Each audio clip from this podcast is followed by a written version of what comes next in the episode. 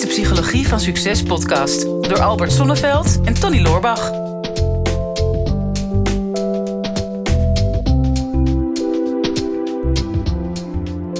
Tony, we mogen weer. Ja. En ehm, ja, ik denk, ik ga eens een diepte-interview met jou eh, beginnen vandaag. Ja, moet je doen.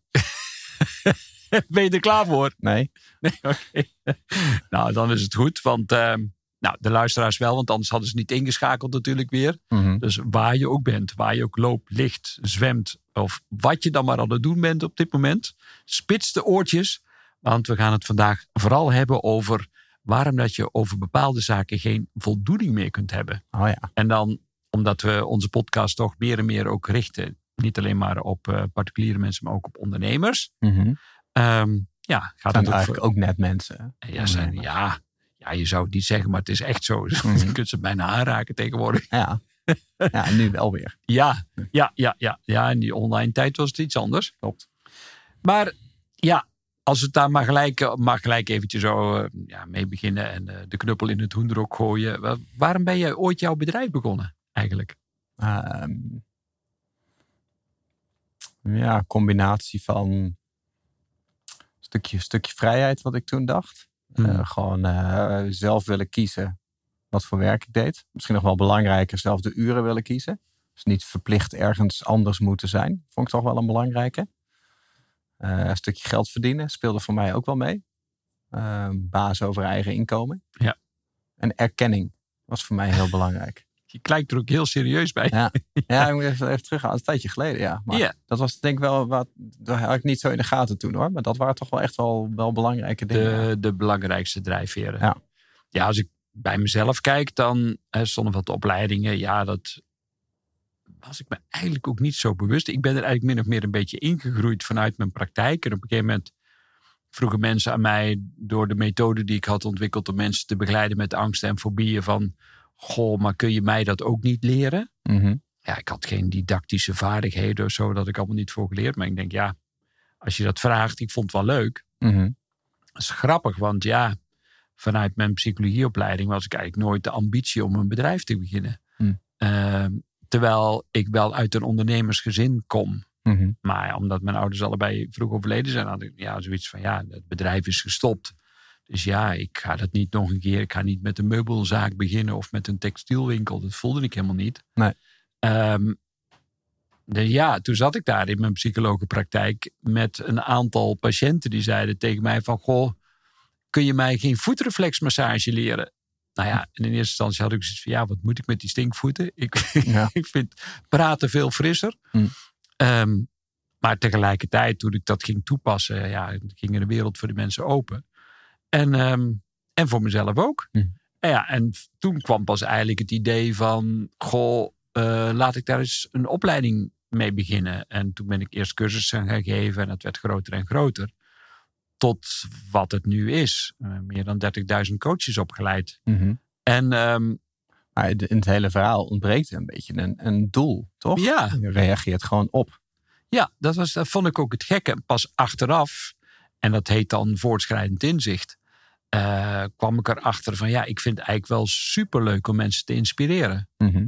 En ja, dat heb ik altijd wel gedaan. Dus al middelbare schooltijd was ik al bezig met de microfoon en ja, wilde ik mensen al eh, vermaken met eh, mijn DJ-activiteiten. En ja, ik, ik had ook toen de tijd al een keer een, een wedstrijd gedaan om, dat heette toen nog Hilversum 3.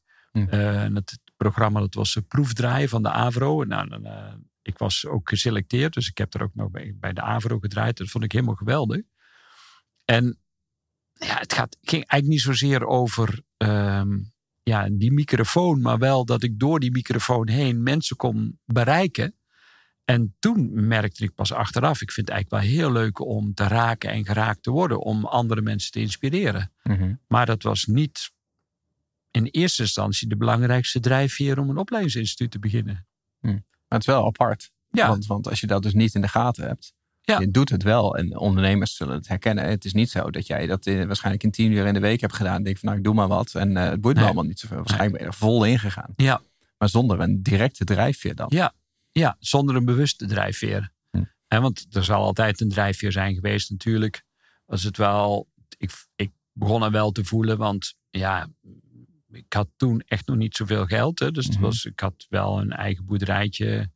eh, maar dat, ja, dat was, Mhm. was in een dorp en dat was eigenlijk onbewoonbaar verklaard. En eh, dat heb ik met vrienden helemaal opgeknapt, zodat het weer bewoonbaar was. Mhm. Maar er was wel mijn laatste spaargeld ingegaan.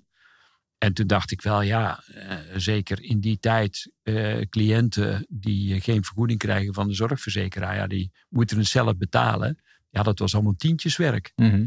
En ik vond het ook lastig om geld te vragen voor mezelf. Ja, was in die tijd heel veel natuurlijk, een tientje. Ja, Dus wat is dat, 100, 120, 130 jaar geleden?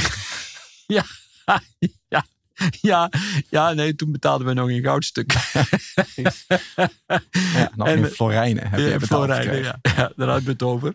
Hm. En, eh, nee, we deden nog ruilhandel. Dus als ik dan een krop sla kreeg en een gebreide trui, dan eh, was dat ook goed natuurlijk. Precies, ja, mooie tijd. Het was een goede tijd. Zorgeloos. Ja.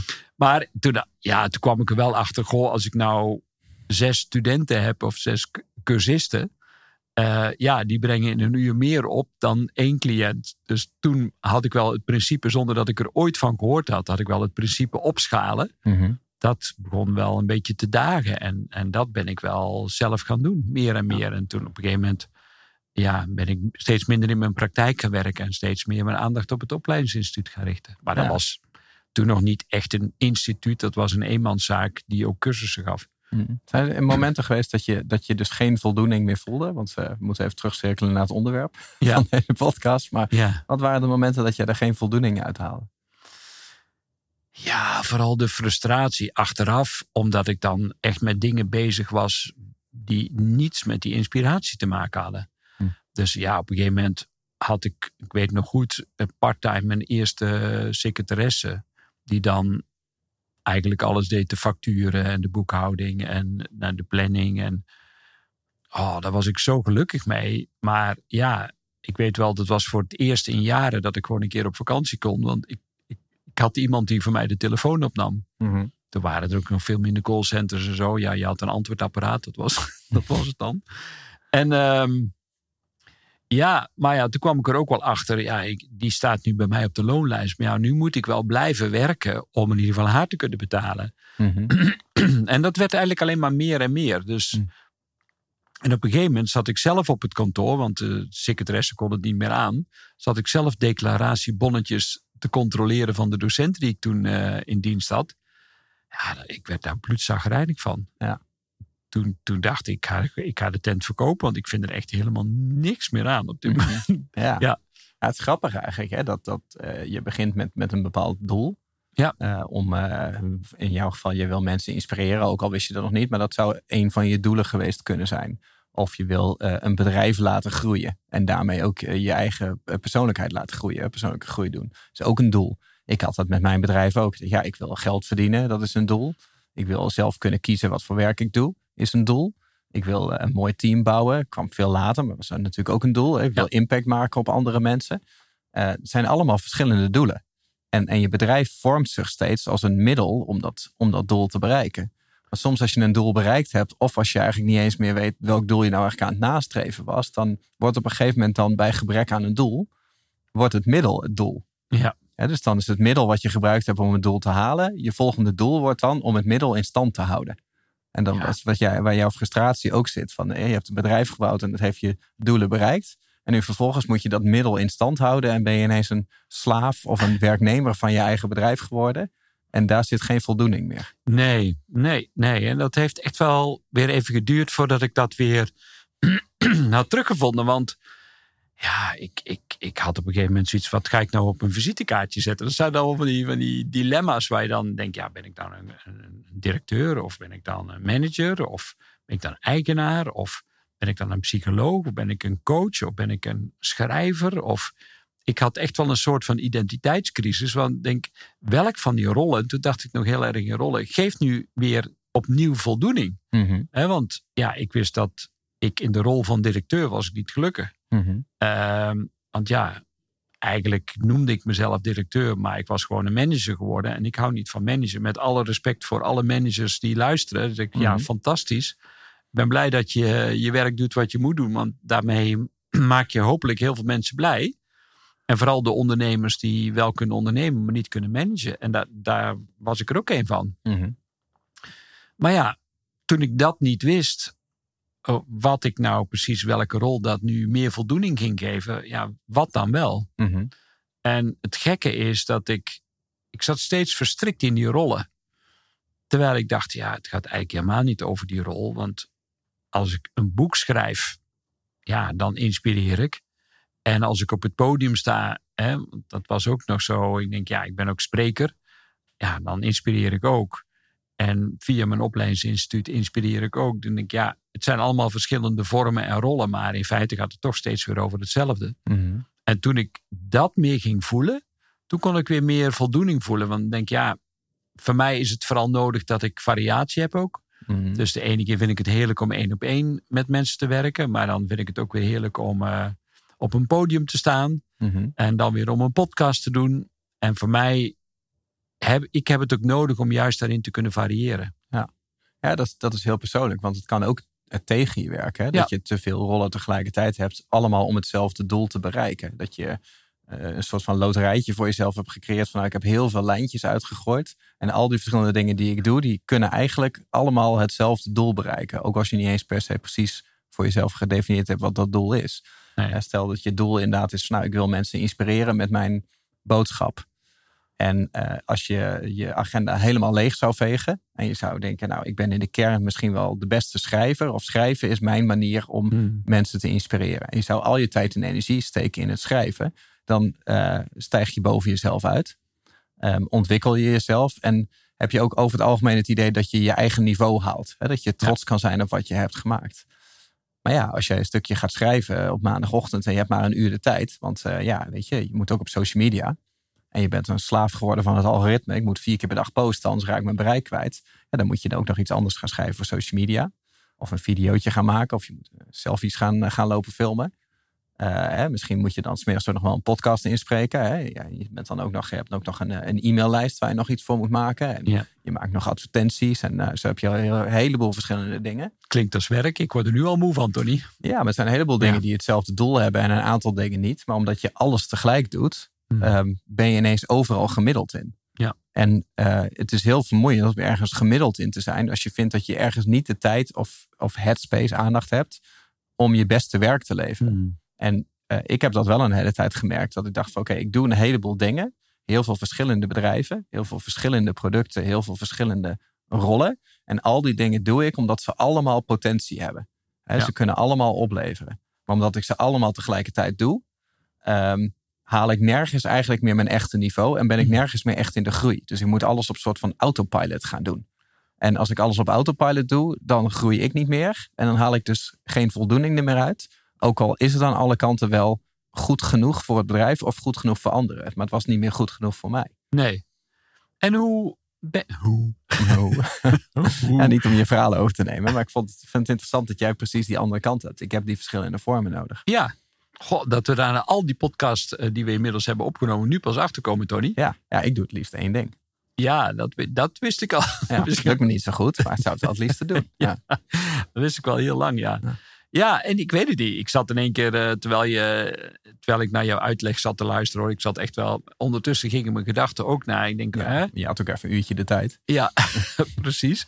Ik, ik had ook, ja, dat is misschien een beetje een gek, gek voorbeeld, maar ja, ik, ik zat aan mijn sterrenbeeld te denken. Ik denk, ja, maar ik ben ook tweeling als sterrenbeeld. En die houden er juist van om een beetje met meer dingen tegelijkertijd bezig te zijn. En een beetje licht en luchtig te houden. En er overal een beetje tussendoor te, te bonjouren. Mhm. Terwijl er misschien ook wel sterrenbeelden zijn. Eh, bijvoorbeeld rammen. Mhm. Noem, maar, noem maar even Noem maar even. Ja. die dat, die dat misschien veel minder hebben. Dus misschien zit het, los van of je nou wel of niet iets met sterrenbeelden en met horoscopen hebt, maar misschien zit het ook wel meer in je karakter dan, om te kijken van welke vorm dat jij dan inzet om uiteindelijk dat bedrijf naar een volgend niveau te brengen. Ja. Ja, Nou ja, ja misschien wel. Ik, ik, denk dat, ik denk dat dat heel persoonlijk is. Maar als ik ondernemers spreek die dit zeggen, van hè, ik, eh, eh, eigenlijk klopt alles wel, is het vaak. Hè? Mijn bedrijf, het loopt goed. Eh, we maken winst. Het team is tevreden. Het is in de groei, zeg maar. Het is allemaal goed. Maar ik haal er geen voldoening meer uit. Hmm. Hè? En, en als het niet ondernemers zijn, hè, mensen ook in hun leven. Van, ja, eigenlijk alles klopt wel. Weet je? Ik ben, ben gezond. Ik heb leuke vrienden. Leuke baan, rekeningen worden betaald, heb geen trauma's. Ik heb eigenlijk nooit ja, klopt alles wel, maar ik haalde, ik haalde niet meer de voldoening uit. Hmm. Dat je dat moment realiseert van ik zou gelukkig moeten zijn. Ja. Want, want de, de sterren staan goed, de randvoorwaarden zijn oké. Als ik zeg maar als buitenstaander naar mijn leven zou moeten kijken, dan objectief gezien zou ik gelukkig moeten zijn. Maar ik ben het op de een of andere manier Nee. niet. Of niet zo gelukkig als dat ik zou willen zijn. Hoe, hoe kan dat dan? Hmm. En, en ik heb het idee dat het heel vaak op dit stukje zit. Ja. Dat je, eh, je doet een heleboel en je hebt jezelf aangeleerd om het allemaal wel goed te doen. En het is goed genoeg voor anderen. Het is goed genoeg voor je bedrijf. Maar het is niet meer goed genoeg voor jou. Omdat je niet meer in de groei bent. Hè? Omdat je iets van jezelf wil ontdekken. Maar je hebt niet meer de tijd en ruimte om nog de verdieping te zoeken in al die dingen die je doet. Omdat je al helemaal vastzit in alle rollen die je hebt. Ja. Ik, had dat, ik had het vorig jaar had ik dat met mijn bedrijf ook. Ik dacht, ja, weet je, op papier klopt het allemaal. Negen bedrijven. Ze zijn allemaal winstgevend. Eh, het loopt allemaal goed. Overal zit mega potentie in.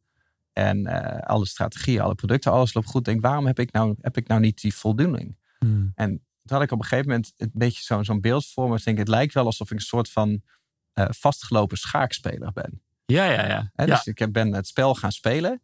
Ik heb mijn stukken allemaal zo gepositioneerd dat ik van elk stuk weet dat ze buiten gevaar zijn. Hmm. Ze hebben allemaal potentie om nog slagen te kunnen maken. Ja. En ik heb alle gevaren afgedicht dat ik die stukken niet kan verliezen. Maar omdat ik zeg maar alle kansen en alle bedreigingen zie, heb ik het, het spel ook zo vastgezet dat ik geen zet meer kan doen. Nee, je stond zelf schaakmat natuurlijk. Nou ja, want je weet dat als ik een zet doe, dan ehm, verlies ik misschien een stuk. Of ik verlies een bepaald pad, een bepaalde potentie om later daarmee te gaan spelen. Hmm. En er zit geen ruimte meer in het spel. Ah ja. En als je het spel wil spelen, dan heb je ruimte nodig. Je kan niet schaken zonder dat er ruimte op het spel zit. Hm. En soms moet je bereid zijn om ofwel een waardevol stuk op te offeren. Dus Ja. iets wat je in je leven hebt, wat, wat goed is, wat oplevert. Dat je denkt van ik, ik offer het op, want in die ruimte kan ik dan iets anders doen. Of je moet bereid zijn om een bepaalde potentie op te offeren. Van al die bedrijven, al die producten, al die dingen die ik doe, alles heeft potentie. Maar de sluipmoordenaar van potentie kan ook potentie zelf zijn. Omdat Hmm. je alle potentie potentieel wil houden, ben Ja. je niet bereid om te committen. En daarom verdiep je niet en daarom groei je niet en daarom is er geen voldoening. En is dat dan impotentie of niet? Of? ja, wordt dat nu een slap verhaal? Eh, ja, ik wil er iets heel slims over zeggen. Ja. Maar ik weet het niet meer. ja. Ja. Nou ja, maar hoe, hoe. En ik denk dat heel veel mensen dit wel herkennen. Dat je altijd ergens op een punt komt. En eh, als je het in een zwaardere vorm hebt, dan ervaar je dat als depressie. hè. Mhm. Dus depressie, dan kom je ook van, ja, maar hoe komt het nu dat ik alles op orde heb in mijn leven, maar geen voldoening meer heb? Mhm. En dan kom je wel weer bij die meest fundamentele vraag terecht van wie ben ik en wat wil ik? Mhm. Ehm, en, en dat wie ben ik is natuurlijk heel mooi, want ja, je wordt weer uitgenodigd om je, een nieuwe versie van jezelf te gaan ontdekken. Mhm. Eh, dus een depressie hoeft niet altijd ehm, ja, ingewikkeld te zijn. Of Jeff Foster, iemand die ik graag volg en lees, een, zeg maar een hele wijze jongeman uit, eh, uit Engeland. En die zegt, deep, depressed is deep rest. Eh, dus je, je neemt even een, een diepe rust om weer jezelf weer opnieuw te gaan ontdekken. Hm. Eh, want daar begint het wel mee. Als je dan ontdekt, oké, ik, ik ben eventjes nu in, in de stilte, even in de, in de ruimte. Mhm. Ik weet niet of je dat nog eh, realiseert, maar bij een handgeschakelde versnellingsbak van een auto, eh, als je naar een volgende versnelling wil gaan, moet je eerst weer terug naar neutraal. Ja. Voor, voordat je door kunt schakelen. Het is een Eh, andere generatie, denk ik. Ja, Maar jij moet ook 's ochtends eerst met zo'n ding aan de voorkant van je auto ja, draaien, toch? Anders Ja. dan doet hij het helemaal niet. ja ik, heb, ik heb ooit een keer in zo'n auto gereden. Dat, was, eh, dat heet dan dubbel klutje. Dus dan moet je twee keer koppeling indrukken om uiteindelijk weer in de volgende versnelling te gaan. Ja. Dus toen was de tijd nog rustiger. En dan moest je nog meer tijd nemen van de ene versnelling naar de andere te gaan. Mhm. En eh, nu gaat iedereen op automaat, eh, om maar even in die metafoor te blijven. Ja. Maar daardoor komen ze ook vaak in een crisis terecht. Van ja, wie ben ik nou echt? Eh, Omdat je zo snel aan jezelf letterlijk en figuurlijk voorbij rent of loopt Mhm. of rijdt. En dus dat is dan de eerste van ja, waar ben ik enthousiast en gepa- gepassioneerd over? En hoe kan ik dat weer met kleine babystapjes weer gaan invoeren? Mhm. eh, in je leven. Want dat is wel wat ik gedaan heb toen ik merkte van ja, ja wie ben ik nou eigenlijk? Eh, met al mijn visitekaartjes, wie wil ik nou zijn? Het grappige is dat ik steeds meer van die titels eraf ben gaan halen. Dus steeds meer identificatie gaan, ben gaan weghalen bij mezelf. Ik denk, ja, Mhm. ik hoef niet per se iemand te zijn voor de buitenwereld. Als ik maar kan inspireren, dan ben ik al gelukkig. En de vorm Mhm. maakt me dan niet zoveel uit. En toen merkte ik wel, oké, als ik nou maar kleine stapjes kan zetten daarin, dan geeft me dat al direct voldoening. En Mhm. ik merkte dat ik, doordat ik zo lang in de frustratie had gezeten van het niet weten, dat ik ook behoefte had om meer wat dopamine te krijgen. Weer een soort geluksgevoel, weer een succesje. Ik denk, nou ja, wat kan ik nou doen? Een klein stapje zetten dat ik weer iets van een succes ervaar. Mhm. En dan hoef ik niet weer nog weer een boek te schrijven, boek nummer 6. Maar ja, misschien is een e-boekje of een artikel ook al genoeg om weer even in, in, ja, in die schrijversmodus te komen, waar ik dan altijd veel voldoening heb ervaren ook. Dus Mhm. ik ben het gewoon weer gaan doen, ook letterlijk en figuurlijk. Mhm. Ja, en daar ligt dan de uitnodiging, eh, denk ik ook voor mensen om, om dat meer en meer te gaan doen weer. Eh, als je vastzit, ehm, ja, kun je er heel lang over nadenken, wat is nu de volgende stap? Maar ik zou zeggen, ga de volgende stap vooral zetten ook. Ja, En- dus een stukje ruimte maken. Ja. Realiseren wat je daadwerkelijk voldoening zou geven. Ja. Want dat is ook al wel een interessante vraag van wanneer zou ik dan wel voldaan zijn? Ehm, vind ik ook een hele moeilijke vraag over het algemeen. Hè, Dus ik kijk, eh, ik vertelde net iets over waar ik vorig jaar in zat. Toen heb ik mezelf dat soort vragen ook wel gesteld. Het duurt een tijdje wel, tenminste bij mij, voordat je daarachter bent. Hè, van ik, ik voel geen echte voldoening, of een beetje, maar niet het maximale. Ik voel me niet zo gelukkig als dat ik me zou willen voelen. Waar komt dat dan door? En Hmm. wanneer zou ik me dan wel gelukkig voelen? Ja. Is best, is best wel een moeilijke vraag. Ja, omdat je het snel aan een, aan een vorm vast wil plakken weer. En dan Mhm. denk ik van, als dat nou maar aanwezig is, dan ben ik wel weer gelukkig. Maar dat zou een volgend advies zijn. Laat het eindresultaat los. Ga gewoon lekker op, op pad. Hè, zoals Mhm. in de taal van Boe staat. Ga niet zoeken naar de weg, want dan is die weg. Ga gewoon op gang en de weg komt vanzelf achter je aan. Mhm. En ehm, ja, dat is denk ik wel een hele belangrijke. Eh, juist door in beweging te blijven, kom je vanzelf wel weer nieuwe dingen tegen. Ehm, maar doe het wel met een positieve mindset. Eh, dus je ja, geen voldoening meer voelt of ervaart in de fase van je leven. En je loopt er allemaal over te mopperen en te miepen. Ja, dan, dan zul je merken dat je omgeving daar ook op gaat reageren. En de wereld wordt er dan meestal niet vrolijker door. Mhm. Dus wanneer je het eindresultaat loslaat, je hebt kleine stapjes gezet en ehm, nou ja, je, je blijft op een bepaalde manier positief. Hè. Overal leer je iets van, ook al is het maar dat een bepaalde richting niet meer bij je past, Mhm. dan is dat al een richting. Mhm. Voor een rubriekje aankomen. Ja, Zoals, zoals we ons voorgenomen hadden nu, precies in het midden van de aflevering. ja, ik denk nu al Ehm, dat dit ons ja, nooit ja, gaat lukken. Maar het zou me wel heel veel voldoening geven als we een keer precies halverwege ja, die eh, bekrachtigende vraag of zo kunnen doen. ja, ik gun hem jou van harte, maar het is tot nu toe nog niet gelukt. Nee, eh, volgende ja. keer. Ja, maar we moeten ook ergens naartoe leven. Dat is misschien ook wel gewoon het, het weet je, een, een leven zonder voldoen, leven zonder voldoening lijkt me het ultieme falen. Ja, Maar eh, je moet ook niet halverwege je leven al bij de voldoening zijn dat, dan, dat je daarna nergens meer naartoe werkt. Je nee, moet nee, daar nee. precies zo uitkomen. Dat je in je laatste week denkt van nou, nu, nu is het klaar. Moet altijd iets blijven. Ja, altijd. En eh, misschien heeft daar de vraag ook wel eh, mee te maken van... wat geeft me vandaag voldoening wat ik direct kan toepassen in mijn leven? Eh, en, want als je het, als je het hè, er is, in mijn beleving is er alleen maar nu. Mhm. Dus eh, wat geeft mij vandaag voldoening wat ik eh, direct kan toepassen in mijn leven? En je gaat dat meer doen. Wat is dat bij jou, Tony? Pizza bestellen. pi- pizza bestellen. nou, dan is dat wat je te doen hebt. En daarna zul je wel merken wat dan het volgende weer is. Dus blijf dat, blijf dat opvolgen. Mhm. En nou, nog een andere rubriekje natuurlijk, groeigeluk. Gebruik de komende week om een moodboard te maken. Hm. Gewoon weer eens even jezelf in een ander perspectief plaatsen over jezelf, voor je business. En hoe en waar zie je jezelf in je bedrijf en in je organisatie of in je leven? Wat doe je dan? Welke mensen heb je, op je om je heen? Eh, dus, dus maak een, een moodboard. Wat zie je zelf dan doen? Welke producten zijn er dan om je heen? Eh, hoe heb je jezelf ingericht in je leven? Het is leuk om daar eens mee bezig te zijn. Nou, het En, staat wel ja. ver van me af. Maar wordt dat wel echt een moedje dan? Ja. Ook een moodboard dan. Ja, ja. Moet, moet een bord maken van alles. Ja, ik weet niet of je een diepbord of een platbord wil hebben, maar goed, ik zou wel... Ja, eh, ja, een pizzabord. Piet, natuurlijk. Ja. nou, je hoort het al, beste luisteraars. Dit gaat weer helemaal nergens heen.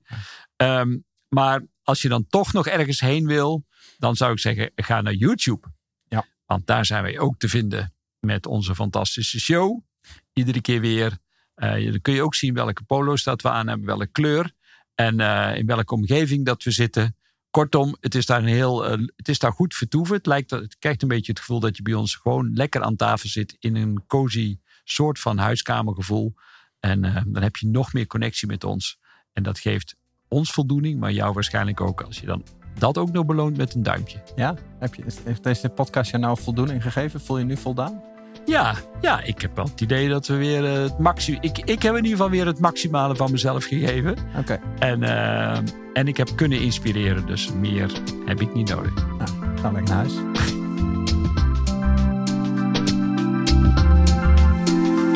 Dit is de Psychologie van Succes podcast door Albert Sonneveld en Tony Loorbach.